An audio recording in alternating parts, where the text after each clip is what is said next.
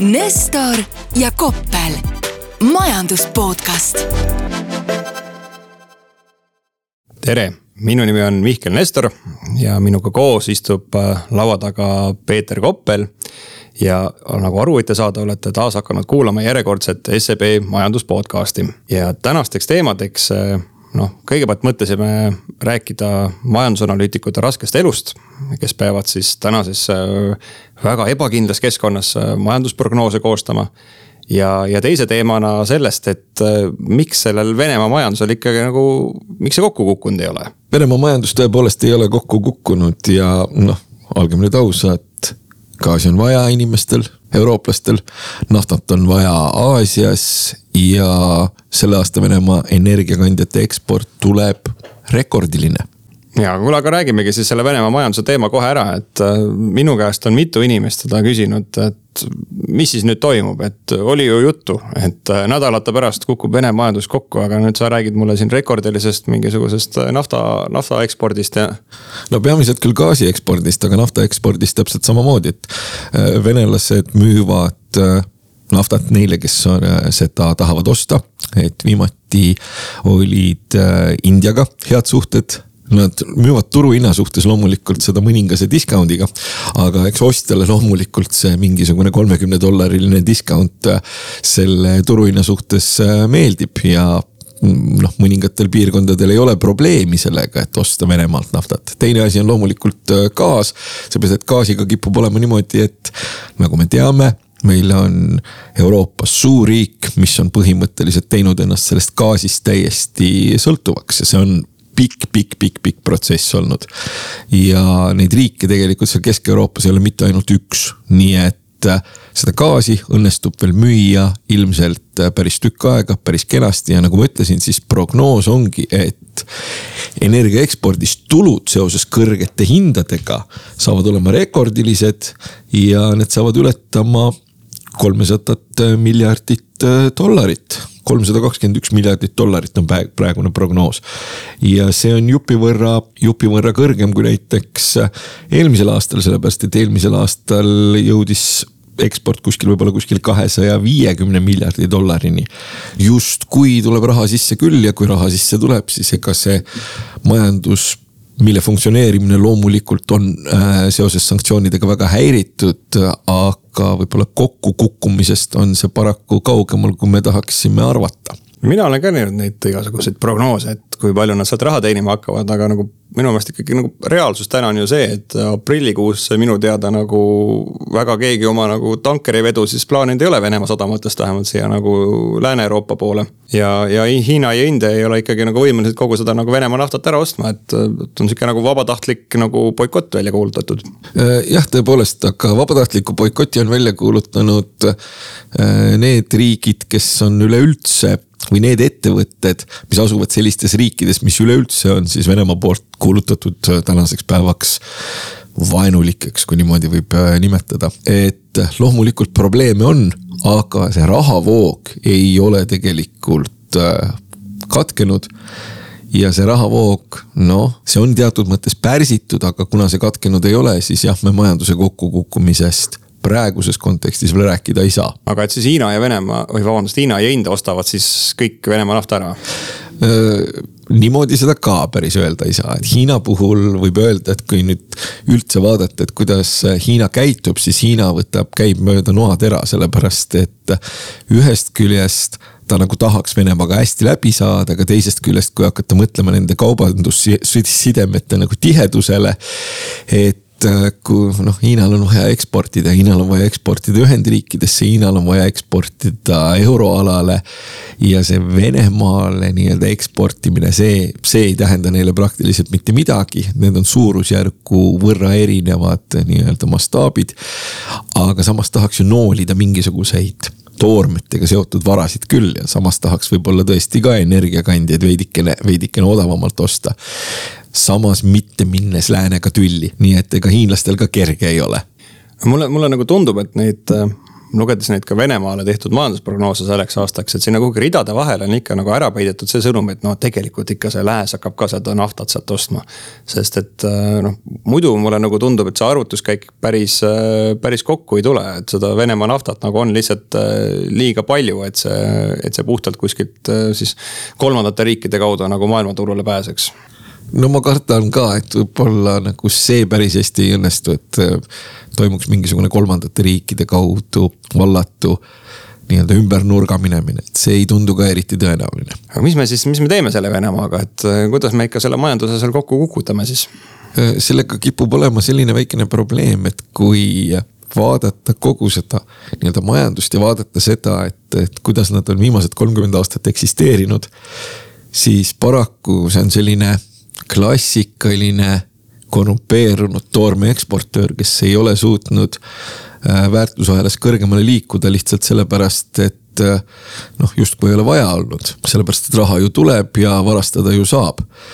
ja kuna siis see väärtusahelas kõrgemale liikumist pole toimunud, tegemist on ikkagi sellise majandusega, mis paraku on mitte eriti, mitte liiga suur ka globaalses kontekstis ja teps mitte liiga arenenud siis see arengutase on selline, et paljultki ei ole kuhugi nagu liiga kõrgelt kukkuda. ja ainukene võimalus ongi siis nii-öelda toormete kontekstis ja eriti energiakandjate kontekstis neid pitsitada. aga nagu öeldud, mõningatel juhtudel leitakse teid, kuhu neid energiakandjaid mujale eksportida ja mõningatel juhtudel on olukord selline, kus siis äh, riigid, kes võib-olla ei tahaks sõltuda gaasist, ikkagi sõltuvad ja peavad ka raha liigutama jah, et ma vaatasin ka, et mida see Venemaa siis äh, üldse nagu ekspordib ja tuleb tunnistada, et peale nende toorainete seal nagu eriti midagi muud äh, ei olegi, et äh, noh, ma sattusin küll natuke vanade andmete otsa, et see oli vist kaks tuhat kakskümmend aasta, aga noh, kuskil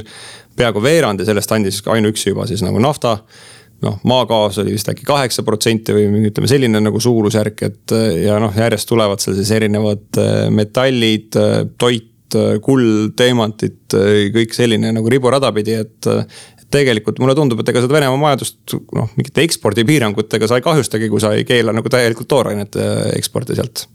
no täpselt nii ja no loomulikult igasugused sellised noh, valuuta liigutamise ja, ja sellised piirangud, noh, eks nad loomulikult äh, mõjutavad seda majandust, sellepärast et kui mõelda mingisugustele Vene ettevõtetele näiteks, kes praeguses kontekstis võib-olla eksisteerivad sellises olukorras, kus nad on võet-, võtnud laenu mingisuguses välisvaluutas, ütleme dollaris. aga nende sissetulek on rublas, siis sellises olukorras, kus see valuutaturg on sisuliselt halvatud, äh, noh ja, ja võib-olla ametliku kursiga võrreldes reaalsed kursid on hoopis kuskil teises kohas, siis ega nende ettevõtete nahas küll olla ei tahaks, et see on kindlasti koht, kus pitsitab. Jah, et see, see rubla kurss on siin ka tõesti kõigil hambus olnud, et aga, aga ka minu vastus on sellele olnud, et noh, see ei ole vist päris kurss, et äh, kuskil nurga taga ilmselt peab nagu rohkem maksma selle, selle dollari eest, kui tahad ikka oma rubladest lahti saada.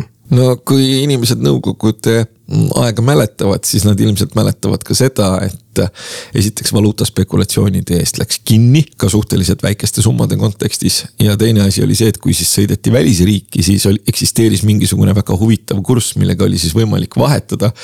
kus noh, ütleme niimoodi hästi laia pintsliga värvides dollar ja rubla olid peaaegu võrdsed, aga kui sa siis nagu reaalselt väljaspool sellist välisriiki sõit ma minekut võib-olla tahtsid mingisugust valuutaspekulatsiooni teha.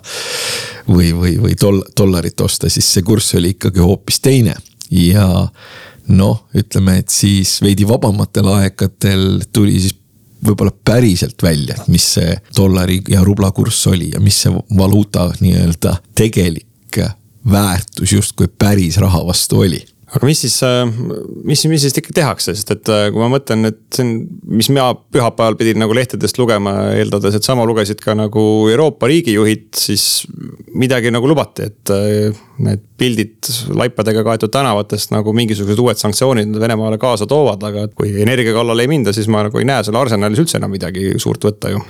No aga tegelikult ei olegi ja energia kallale minnakse järk-järgult ja ma arvan, et võib-olla tänaseks on sanktsioonide esimesest ehmatusest ollakse ka Venemaal üle saadud ja selle, sellega ollakse arvestatud, et energia kallale minnakse järk-järgult ja eks siis hakatakse sellist väikest võib-olla positsioonisõda pidama, et vaatama, et mingisugune rahavoog ikkagi säiliks ja, ja, ja võib-olla mingites kontekstides tegema ka mingisuguseid järeleandmisi.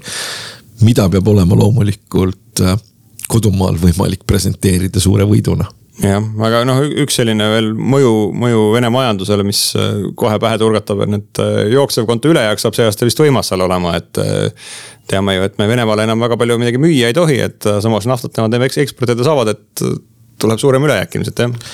noh, müüa otseselt ei tohi, aga nii palju, kui uudistest on läbi jooksnud, siis noh, üritatakse siis teha sellised võib-olla mitteametlikud kanalid, et mingisugustel brändidel ametlikke esindusi enam ei ole. küll aga mitteametlikult võidakse siis neid müüke edasi teha, et noh, me Hiinas ju teame, et on olnud suurte brändide poed, mis näevad välja täpselt nagu suurte brändide poed kus on olnud äh, sisuliselt protsessid sarnased, kus on olnud müüjate T-särgid sarnased. aga mille peale siis nagu brändi nii-öelda päris esindaja on öelnud, et ohoo, et tegelikult meil ju siin poodi ei ole, ometigi see pood oli olemas. et ilmselt Venemaal tekib mingisuguseid sarnaseid olukordi. ja vot see onu Asja, mul oli vist McDonalds, eks, aga mul tekkis sellega seoses muuseas hea mõte ka veel, et et Venemaal on väga populaarsed need vanakooli Adidase dressid, aga Adidas ka vist teatas oma müügi lõpetamisest Venemaale.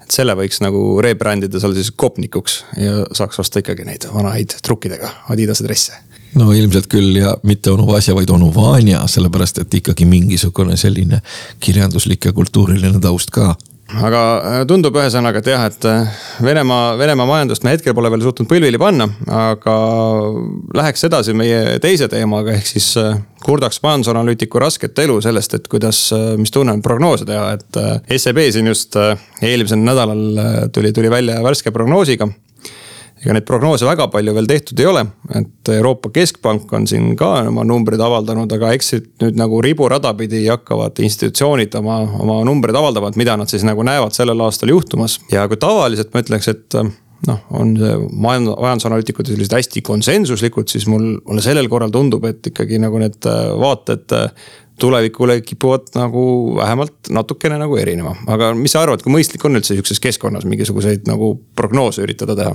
ei no prognoose tuleb igal juhul üritada teha, aga nende prognooside puhul tuleb selgelt mõista anda, et nende selline kindlus või, või, või et see on selgelt viletsam kui tavaliselt. Ja noh kui nüüd aus olla, siis ega ka tavaliselt väga tihti nende prognooside kindlus nüüd just nagu kõige tugevam ei ole aga tänases keskkonnas, kus on käivitunud nii-öelda sõda, sõda teatavasti mõjutab tarbija usaldust tarbija usaldust, kusjuures äh, huvitaval kombel isegi Ühendriikides mingisugustes kontekstides. sellepärast, et see ikkagi nähtavust halvendab, ebakindlust suurendab.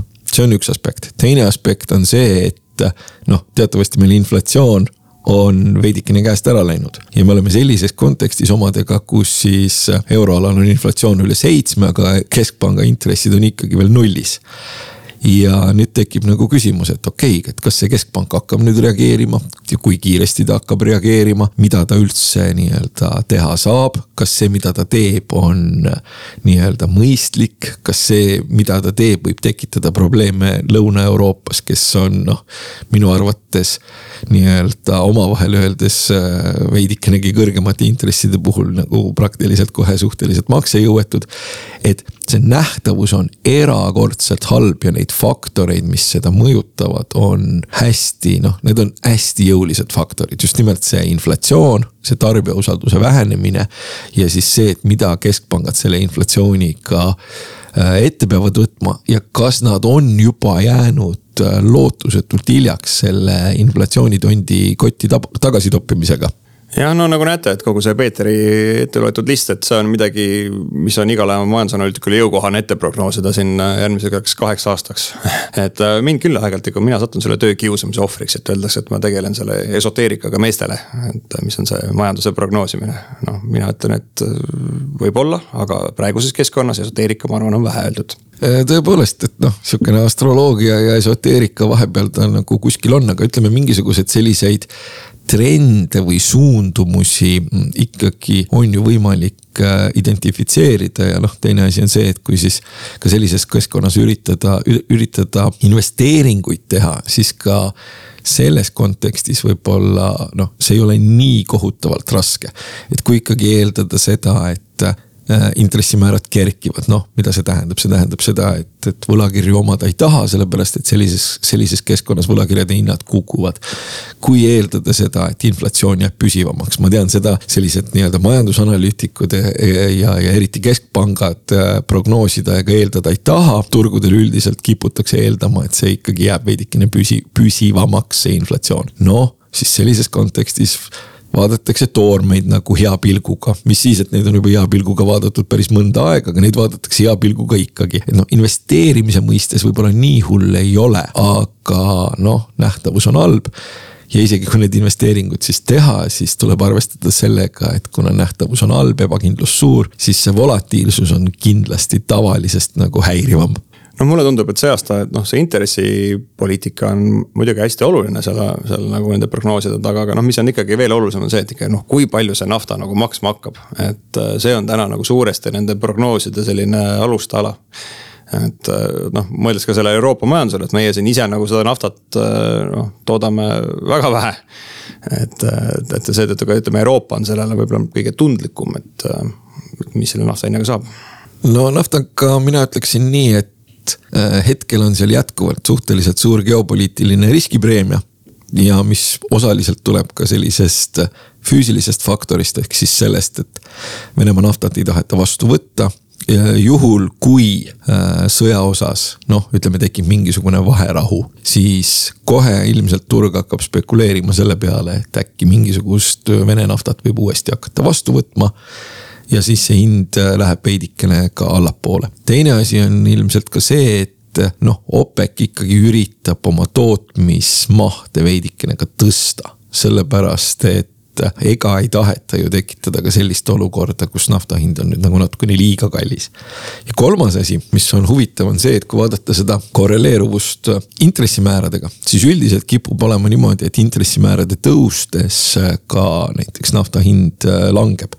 ja hea küll, siin võib alati rääkida sellest, et, et tegelikult see nafta hind on selline väga mitteelastne ja, ja teatud kogus on seda vaja igal juhul ära põletada ja noh, ma olen sellega kõigega nõus aga üldiselt paistab, et intressimäärade tõus siiski mingisugust tarbimist suudab äh, vähendada ja noh, võib-olla selline üldist, üldist nagu majandust veidikene, veidikene jahutada ja see mõjub ka, mõjub ka nafta hinnale.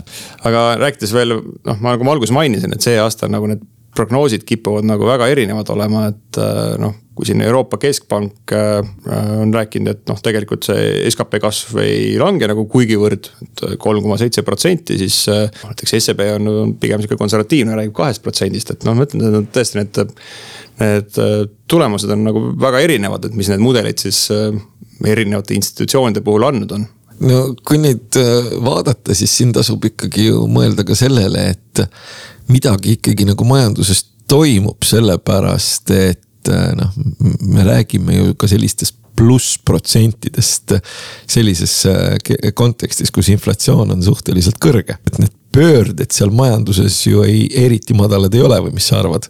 ja noh, vot ongi, et äh, see aasta ka, et olen käinud siin juba paaril korral nagu meie seda prognoosi tutvustamas ja noh, näitad siis seda Eesti prognoosi, mis siis muuseas on, et meie ütleme et, et null koma kuus protsenti skp kasvu sellel aastal Eestil ainult ja noh, kõigil nagu näod vajuvad, ei norgu, et oi-oi, väga väike number.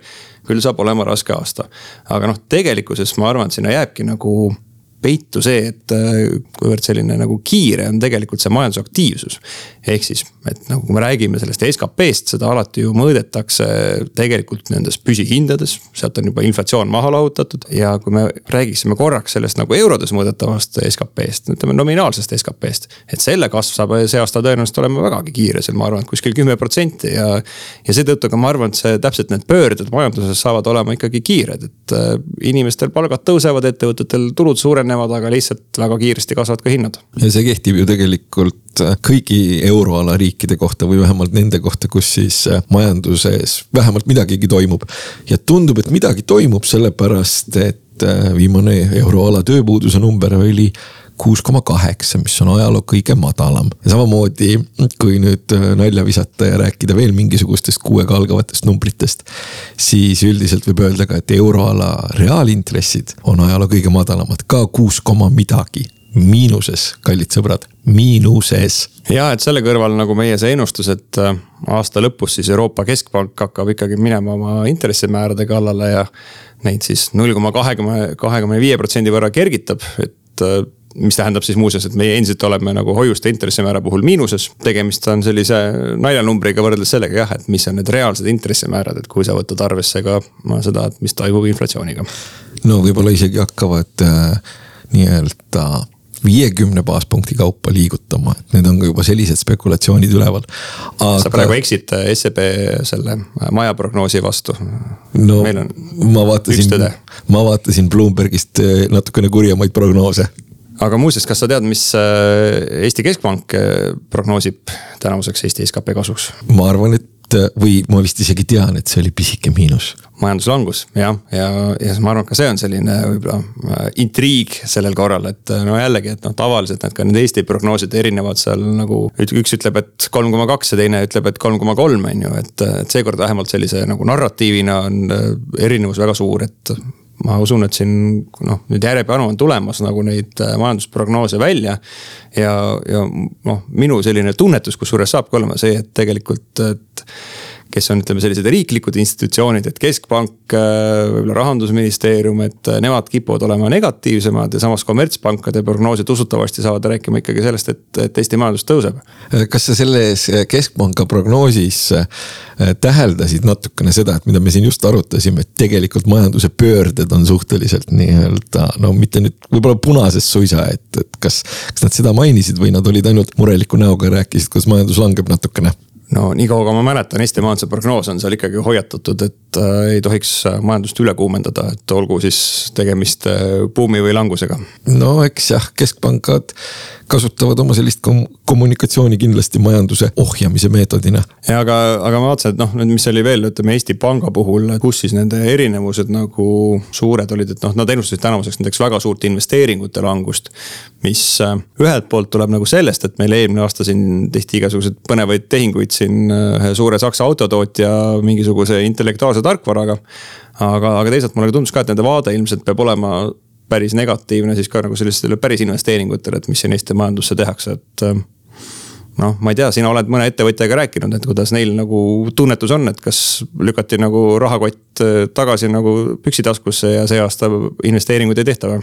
Äh, kui ma ka olen rääkinud, siis see on rohkem selline ootelolek, ehk siis justkui midagi oli varasemalt otsustatud, aga nüüd on see justkui pandud pausile ehk siis jällegi oodatakse mingisugust keskkonna selginemist või, või siis arusaama, et kuhu nii-öelda edasi, edasi minnakse. aga noh, loomulikult, kui nüüd äh, mõelda, kes on meie naaber ja mõelda meie geograafilisele asukohale, siis noh, ilmselgelt äh, siia on siginenud riskipreemia nagu väga mitmetele tasanditele. aga kuidas on Peeter Koppeli tarbijakindlusega? no selles mõttes, et ma olen äh, Lasnamäelt pärit ja ma olen alati ida poole nagu suhteliselt suure skeptilisusega vaadanud, et. Äh, noh, loomulikult on värin natukene suurem, aga kuna mul hetkel mingisuguseid äh, suuremaid oste plaanis ei ole peale pesumasina, siis ei saa öelda, et oleks nüüd nagu dramaatiliselt langenud tarbija usaldus isiklikul tasandil. et pesumasina ostad ikkagi ära? aga miks ma ei peaks? Noh, eriti jah, et nagu ma ütlesin, et pesumasina ostmine näitab, et sa inimeste sissetulekud on ka siis kõrgemad. aga, aga no tegelikult huvitav on see, et äh, vaatasin äh, siin ka just viimaseid numbreid nende Eesti konjunktuuriuuringute kohta, et äh, mis siis Eestis elanikud keskmiselt arvavad. ja ma olin tegelikult nagu selle poolest üllatunud, et hea küll, et tarbijakindlus langes muidugi siin sõjaeelse ajaga võrreldes, aga tegelikult see kukkumine oli üllatavalt Äh, väike, et hetkel ma nagu ei, üldse ei tunneta, et nagu mingit suurem draama nagu Eesti majanduses toimumas oleks ja, ja täpselt sama kehtib muuseas ka ettevõtete kohta. et jah, see kindlustunne on natuke alanenud, aga jällegi, et kui sa vaatad seda sihukest ajaloolist pikka plaani, tegelikkuses pole mingisugust probleemi, et äh, nii mõnelgi pool ollakse veel nagu aegade kõige kindlamad selles osas, et äh, äril läheb hästi ja läheb ka lähikuudel no aga oletame, et sa oled mingisugune tegelane, kellel on Excel ees ja sa näed seda, kuidas sul nagu numbrid lähevad üha suuremaks, no tekitab hüha tunde küll. jah, et aga no see on ju jah, just huvitav ka, et, et nagu just tarbijate poolelt ma mingisugust suuremat reaktsiooni ei näinud ja, ja jällegi, et noh, mulle annab see sellist usku, et äh, küll saab nagu see aasta ka kuidagi siin ots otsaga kokku see Eesti inimene. no minu tarbijausalduse peamine indikaator on see, et ma sõidan mööda jalgrattaga sageli ühest parkimisplatsist ja siis ma vaatan tarbijausaldust selle järgi. palju seal laupäeva hommikupoolikul autosid on ja selle järgi on meil tõesti tarbijausaldusega jätkuvalt kõik väga hästi praegu no vaata, sa olid väga tubli, et sa Eesti Panga prognoosi teadsid, mul on sulle üks küsimus veel, et äh, inflatsioon Eestis on olnud neli kuud kahekohaline. mis sa arvad, kuidas sellele on reageerinud äh, jaekaubanduse siis äh, tulemused ja ma ei räägi siis nagu eurodes, vaid ütleme, et võtad inflatsiooni isegi maha, et kogu selliselt, et kuidas siis nagu jaekaubandusel läinud on? kas jaekaubandusel äkki on läinud halvasti? No vot, eksid, oleks nagu õige vastus, kõik oleks loogiline, aga, samas tegelikult on mitu kuud järjest olnud ka nagu jaekaubanduses kahekohaline nagu siis äh, müügimahtude kasv, et äh, viimasel, viimasel korral vist küll seda mõõdeti. Läks see tõesti ühekohalise numbri peale, et oli äkki kaheksa protsenti, aga, aga täiesti uskumatu jah, et. Äh, hinnad kasvavad siin on ju kaksteist, kolmteist protsenti, aga samal ajal nagu saab ikka veel rohkem asju osta, mitte lihtsalt rohkem nende eest maksta. kui ma nüüd jällegi nii-öelda natukene sellist optimistlikku tooni allapoole tõmban siis, et äkki inimesed tellisid endale massiliselt äh, tactical foodback'e ja siis ostsid ära erinevatest autopoodidest nii plastikust kui metallist kanistreid ja seda ma ei tea, on ju, neid ma ei ole kokku lugenud, aga eks siis lähimad kuud annavad arutust. aga noh, mis tegelikult äh, annab äh, ka nagu lootust, on see, et või no mille arvelt ma arvan, et see suuresti see tänavune nagu ostlemine hakkab toimuma, on see, et ju mis meil koroonakriisi ajal juhtus, oli see, et äh, ka raha hakkas nagu roppu moodi üle jääma. et kui siin tavaliselt nagu Eestis äh, majapidamiste kontodel olev selline summa seal keskmiselt nagu aastases lõikes kasvas kuskil seal natuke üle kümne protsendi. siis tegelikult äh, siin koroona ajal ta ju läks sealt tugevalt üle viieteist protsendi isegi see nagu deposiitide kasv, et noh, ma ennustan küll, et jah, nüüd lähikuudel nagu, et seda raha hakkab üle jääma ikkagi oluliselt vähem, et äh, tuleb ju kuidagi nagu need poearved kinni maksta. ja loomulikult ja siis tekib ka selline klassikaline mm, võib-olla investeerimisinimese jaoks äh, fantastiline paradoks, et loomulikult äh, sellises keskkonnas, kus inflatsioon on erakordselt kõrge on inimeste säästude tase ajaloo kõrgeim. Äh, jah, see on vaata nüüd sinu kivi sinu kapsa ajada, et minu meelest privaatpanganduse strateegia peakski siin ikkagi avalikkusele selgitustööd tegema selle kohta. no ma arvan, et ma olen äh, kümme aastat rääkinud, et cash is trash. aga seda on kusjuures olnud uskumatult äh, raske inimestel uskuda ja mul aeg-ajalt tundub, et mõni ei usu siiamaani. mõni ei kipu siiamaani aru saama sellest, mida näiteks negatiivne reaalintress tähendab. aga muidugi makroanalüütikuna ma võin jällegi noh äkki see on hea minu jaoks, et siis need Eesti jaekaubanduse numbrid ikka jätkavad kasvamist, et noh, kui Koppel on selle kuhugi turgudele nagu kinni pannud selle raha, et siis selle eest ei saa ju pesumasinaid osta no põhimõtteliselt küll, aga see, kui see panna turgudele, siis võib-olla ühel hetkel sa saad pesumasinale lisaks osta ka kuivati. noh tead, Eesti see, mis on see põllumehe tarkus, seda, seda juttu ei usu, et äh, võlg on võõra oma ja investeering, vot selle kohta peaks ka mingi vanasõna välja mõtlema, et ja pesu kuivatamine tegelikult. investeering on Koppeli oma. jah, ja, ja, ja kõike muidugi samas pesu kuivatamiseks soovitan ka mina kasutada tuule ja päikeseenergiat ja mis muuseas äh,, aeg hakkab lõpule juba lähenema meil, aga, aga ma arvan, et investeeringute mõttes tasub ka seda nagu meeles pidada jah, et, et kui sul tuttav ärimees võib-olla nagu pani oma investeeringu ootele, et äh,. ma usun, et päikesepaneele see suvi ikka nagu pannakse meil kõik katused täis, et jumal teab, mis see venelane selle gaasiga seal sügisel ette võtab jah, noh ikkagi taast-, taastuv energia ja selles mõttes, et nagu ma olen aru saanud, siis äh, sellel aastal õnnestus päikeseparkidest ikkagi midagi välja pigistada isegi talvel. aeg hakkab lõpule jõudma, et äh, tõmbaks selle tänase natuke hüpliku saate otsad kokku, et äh, majandusprognoosid siis Eesti kohta sellel aastal mm, seinast seina. analüütik Nestor siin pigem natuke optimistlik ja analüütik Koppel no mina vaatan seda globaalset pilti, sellepärast et noh, jällegi investeeringute kontekstis on majanduse nominaalkasv kõige olulisem asi, mis üldse olla saab. Ja nüüd ütleme, sellised suured institutsioonid võib-olla hakkavad ka seda globaalset majanduskasvu prognoosi natukene allapoole sikutama peamiselt nad äh, võtavad, äh, seostavad seda toormete hinna kasvuga, mis on peamiselt seotud äh, sõjaga Ukrainas. aga me räägime ikkagi käesoleva aasta kontekstis ju ka globaalsest majanduskasvust. võib-olla küll natukene alla trendi, aga ikkagi kasvust. jah, võtame nüüd sellest aritmeetilise keskmise ja paneme saatele punkti. kõike head. Nestor ja Koppel, majandus podcast